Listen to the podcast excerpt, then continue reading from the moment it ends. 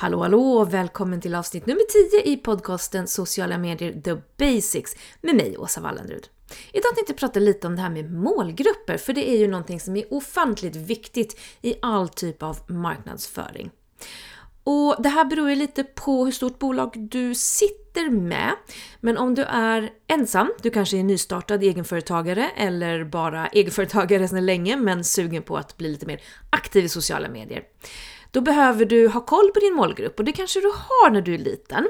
Du kanske vet exakt vilka du ska och vill nå, men det kan vara bra att skriva ner det här och vara ganska tydlig med hur din målgrupp ser ut.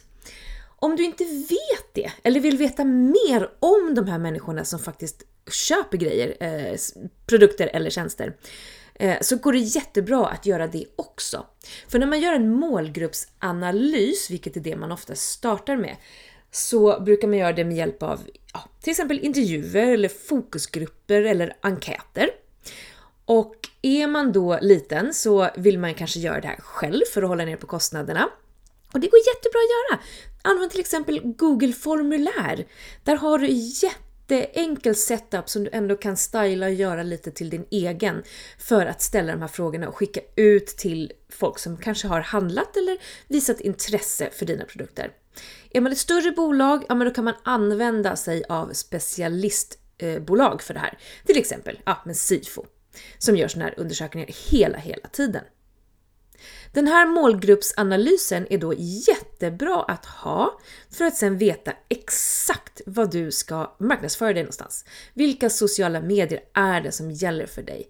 Det kanske inte är Snapchat, för de är för unga. Det kanske är Facebook som är rätt, men Instagram är helt fel.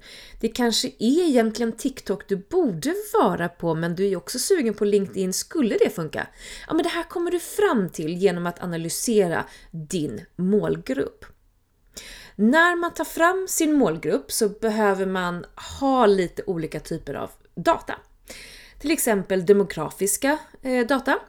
Och det kan vara kön, det kan vara ålder, familjetyp, inkomst, yrke, vart man bor och alla de typerna av demografiska, eh, demografisk information kan vara väldigt, väldigt matnyttigt för att, för att veta mm, ja, betydligt mer helt enkelt. Man vill också veta lite om personernas livsstil, eh, vad de har för värderingar och vad de gör på fritiden och så vidare. Och vad gör man då med all den här informationen? Jo, det är det här som ligger till grund för vilka kanaler du väljer att marknadsföra dig i. För även om du jobbar med organisk social så kan du sponsra ett inlägg som du har lagt upp. Och där du går in och sponsrar så kan du gå in och välja vilka du vill sponsra det här inlägget mot. Det betyder alltså att du gör, säger, vi utgår från Facebook, du gör en post eh, på Facebook. Den är organisk. Alla som eh, gillar dig och är fan av den här sidan kommer se det här inlägget. Förhoppningsvis. Det beror ju på algoritmerna som vi tar längre fram. Men du kan också välja att sponsra ut det här inlägget för att nå utanför din fanbase.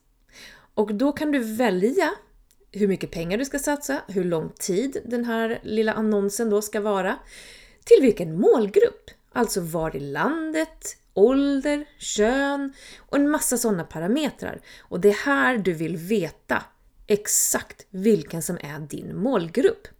Och det kan ju vara så att du har en känsla för att ja, men den här produkten jag tagit fram, den riktar sig till den här målgruppen. Men de som faktiskt handlar behöver ju faktiskt inte vara den målgruppen. Det är därför det är väldigt intressant att just ta reda på vilka de här människorna är. Om du förenklar det här ytterligare ett steg så kan du ju också göra något som kallas för personas och det är att man nästan mänskliggör en målgrupp.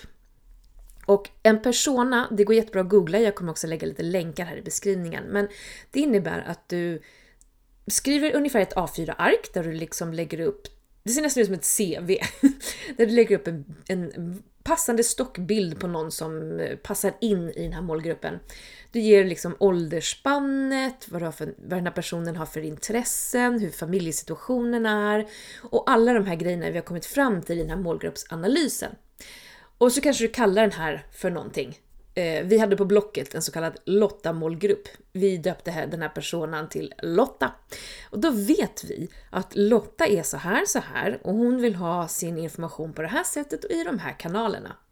Och då blir det väldigt mycket enklare helt plötsligt när du sitter och ska skapa content till en viss målgrupp. Att ha den här personen framför dig.